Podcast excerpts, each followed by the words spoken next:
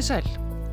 Einn diggasti bandamaður Vladimirs Putin Rúslands forsetta heima fyrir í Rúslandi er forseti sjálfstjórnar liðveldisins Tjetsenju, Ramsan Kadyrov. Frá því að rússar reyðust inn í Úkrænu hefur hann verið með herskáustu mönnum og hvati meðal annars til þess að dögunum að rússar beiti kjarnavopnum í stríðinu.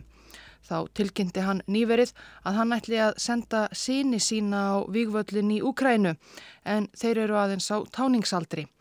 Ég heiti Vera Ílúadóttir og þetta er fréttaskeiningaþátturinn Þetta helst.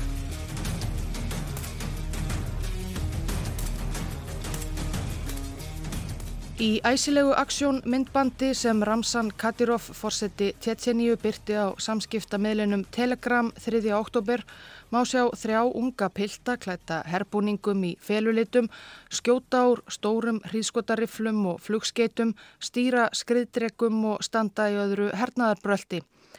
Þetta eru þeir Ahmad 16 ára, Eli 15 ára og Adam 14 ára, sínir Ramsan Kadirovs sem eru samkvæmt föðurnum senn á leið á viguvöllin í Ukrænu en það hafa þeir verið þjálfaðir í hernaði frá unga aldri. Fadir þeirra, Ramsan Kadyrov, hefur verið leittói hins rostu sama sjálfstjórnar liðveldis Tjetjeníu í Rúslandi í 15 ár frá 2007 þrátt fyrir tiltölulega ungan aldur á mælikvarða rúsnenskra leittóa. Hann er 46 ára gammal, fættur 1976. Tjetjenija í hrjóstrugum Kákasus fjöllunum norðanverðum lísti yfir sjálfstæði við fall Sovjetiríkjana 1991 en ólíkt öðrum landsvæðum Sovjetiríkjana sem sóttu sér sjálfstæði um svipað leiti og fengu voru ráðamenn í Moskvu ekki til í að láta Tjetjeniju sér úr greipum. Rúsneski herin reðst inn í Tjetjeníu í desember 1994 og við tók langt og blóðugt stríðum yfirráði tjetjensku fjöllunum millir rúsa og innfættra uppreysnarmanna. Vígasveitir Tjetjena vörðust mætti rúsneska hersins af mikilli hörku og meða leðtoga uppreysnarmannana var Ahmad Kadyrov, fadir Ramsans. Hann var mentaður í íslömskum fræðum og var 1995 gerður æðsti klerkur Tjetjenju yfir mufti með fram því að hann barðist við rúsa með mönnum sínum. Rússar og Tjetjenar sömdu svo um vopnalli 1996 eftir mikið mannfall á báðabóa og gríðarlega eigðuleggingu í Tjetjenju en sá friður helst ekki lengi. Rússar gerðu aftur innrás 1999 til að brjóta fjallafólkið undir sig og í þetta sinn áttu þeir sér góða bandamenn úr röðum heimamanna. Muftin Ahmad Kadyrov hafði gengið Moskvu á hönd með fjölmenna herdeld sína. Hernað rúsa gekti betur í þetta sinn og í mæi árið 2000 gatt nýr rúslandsforsiti Vladimir Putin líst því yfir að Tjetjenija veri alfarið á hans valdi. Ahmad Kadyrov fekk tryggð sína ríkulega launaða og var útnemdur forseti sjálfstjórnar liðveldisins Tjetjenju. En Svig Kadyrovs eldri við tjetjenskan málstað skapaði honum marga óvinni heima fyrir og hann var ráðinn af dögum 2004. Pútín harmaði dauða hans mjög á bladamannafundi með sonans Ramsan hlið sem Pútín faðmaði innilega að sér. 9. Maja день нашего общенационального праздника, в День Победы, и ушел непобежденным. граждан России, потому что почему наш народ определился. Мы хотим жить в составе Российской Федерации. И мы хотим видеть Россию сильную и великую державу, как она была. Þremur árum síðar, þegar Ramsan var orðin þrítur, skipaði Putin hann í embætti forsetta, valda mesta embætti Tjetjeníu og hefur hann verið þar við stjórnmjölin æg síðan. Hann hefur setið lengst leðtoga stjórnsíslu eininga Rúslands að Putin sjálfum undanskildum og er yðurlega endur kjörin öruglega með 90% atkvæða. Á valdatíð hans hefur verið mikil uppbygging í Tjetjeníu og hinn sundur sprengta höfuðborg Grosni resið úr rústum stríðsins og skartar nú glæsilegum skíakljúfum og glitrandi luxushotellum. Uppbyggingin hefur að mestu leiti verið borguð af Moskvum og Kadyrov launa það með því að vera einn af tryggustu bandamönnum Pútins í hverju sem sá síðar nefndi tekur upp á. Þó Tjetjenija sé lítil á mælikvarða Rúslands og íbúar aðeins um 1,5 miljón er Kadirov fyrirferðamikill í rúsnenskum stjórnmálum, einn sínilegasti stjórnmálamaður Rúslands síðustu árin. Á tímabili var því að vel veld upp hvort hann er því mögulegur arftaki Pútins í Kreml.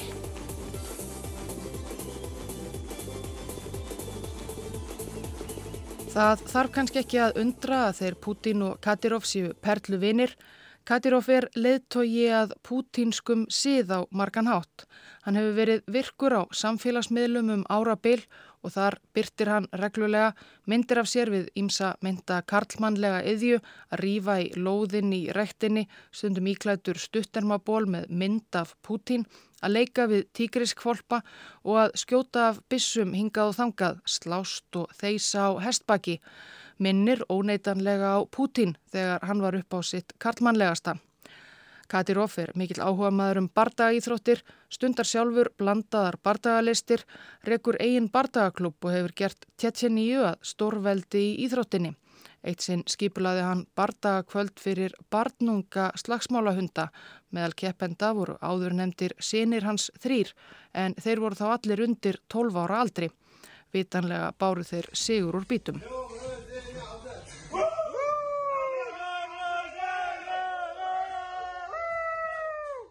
Katirov hefur líka verið gefinn fyrir að slá um sig með erlendum stórstjórnum.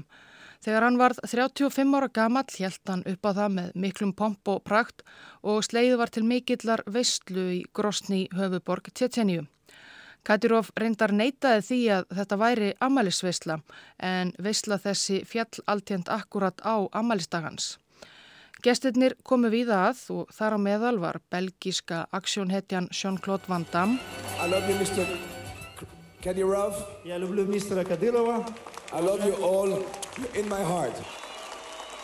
Söngvarinn Síl, fylguleikarin Vanessa May sem hér leikur undir og leikonan Hilary Swank sem vissulega óskaði fórsetanum til hamingju með amalið þó þetta væri ekki amalisveisla. So wonderful to be here tonight. Thank you so much for inviting me to your beautiful city. Really, truly for me this is a, a great honor to learn more about you and your country and what you're building. And um, happy birthday Mr. President. Fótbolta hetjurnar Ronaldinho, Diego Sálu Maradona og nú síðast Egiptin Mo Salah hafa einnig sérst í góðum gýr með Kadirov.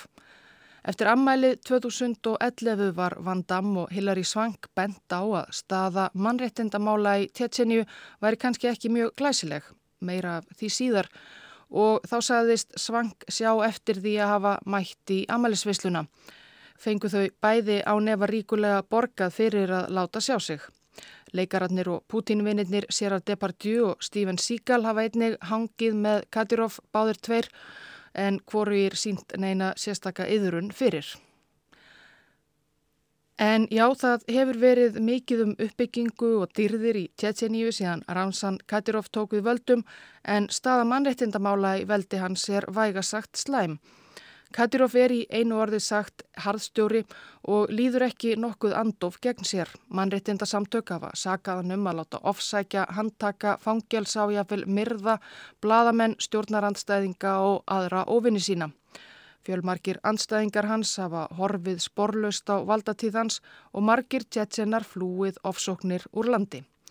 Katirov hefur verið sagaður meðal annars um að hafa haft eitthvað að gera með morðið á rúsnensku bladakonunni önnu Politovskæju 2006.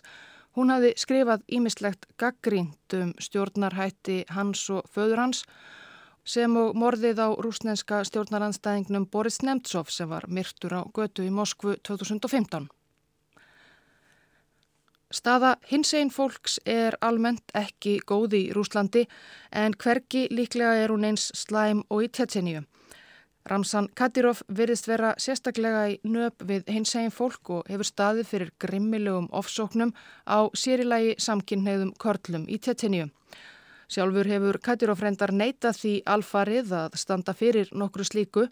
Það sé ómögulegt, segir hann, þar sem enga samkynneigða sé yfirleitt að finna í Tjetjenju. Hér eru engir homar.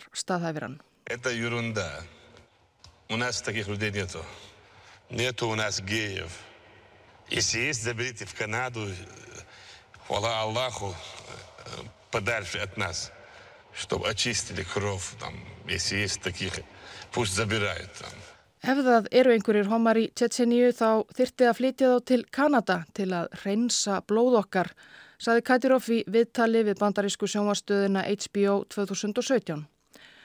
Nokkru fyrir viðtalið hafði sjálfstætt og óháð rúsnest dagblað Novaja Gazeta sagt frá því að tjettjenska lögreglan hefði síðustu vikurnar handtekið á annað hundrað samkynneðra karla, fullortna og allt niður á táningsaldur og saka þá um óeðlilega kynneigð.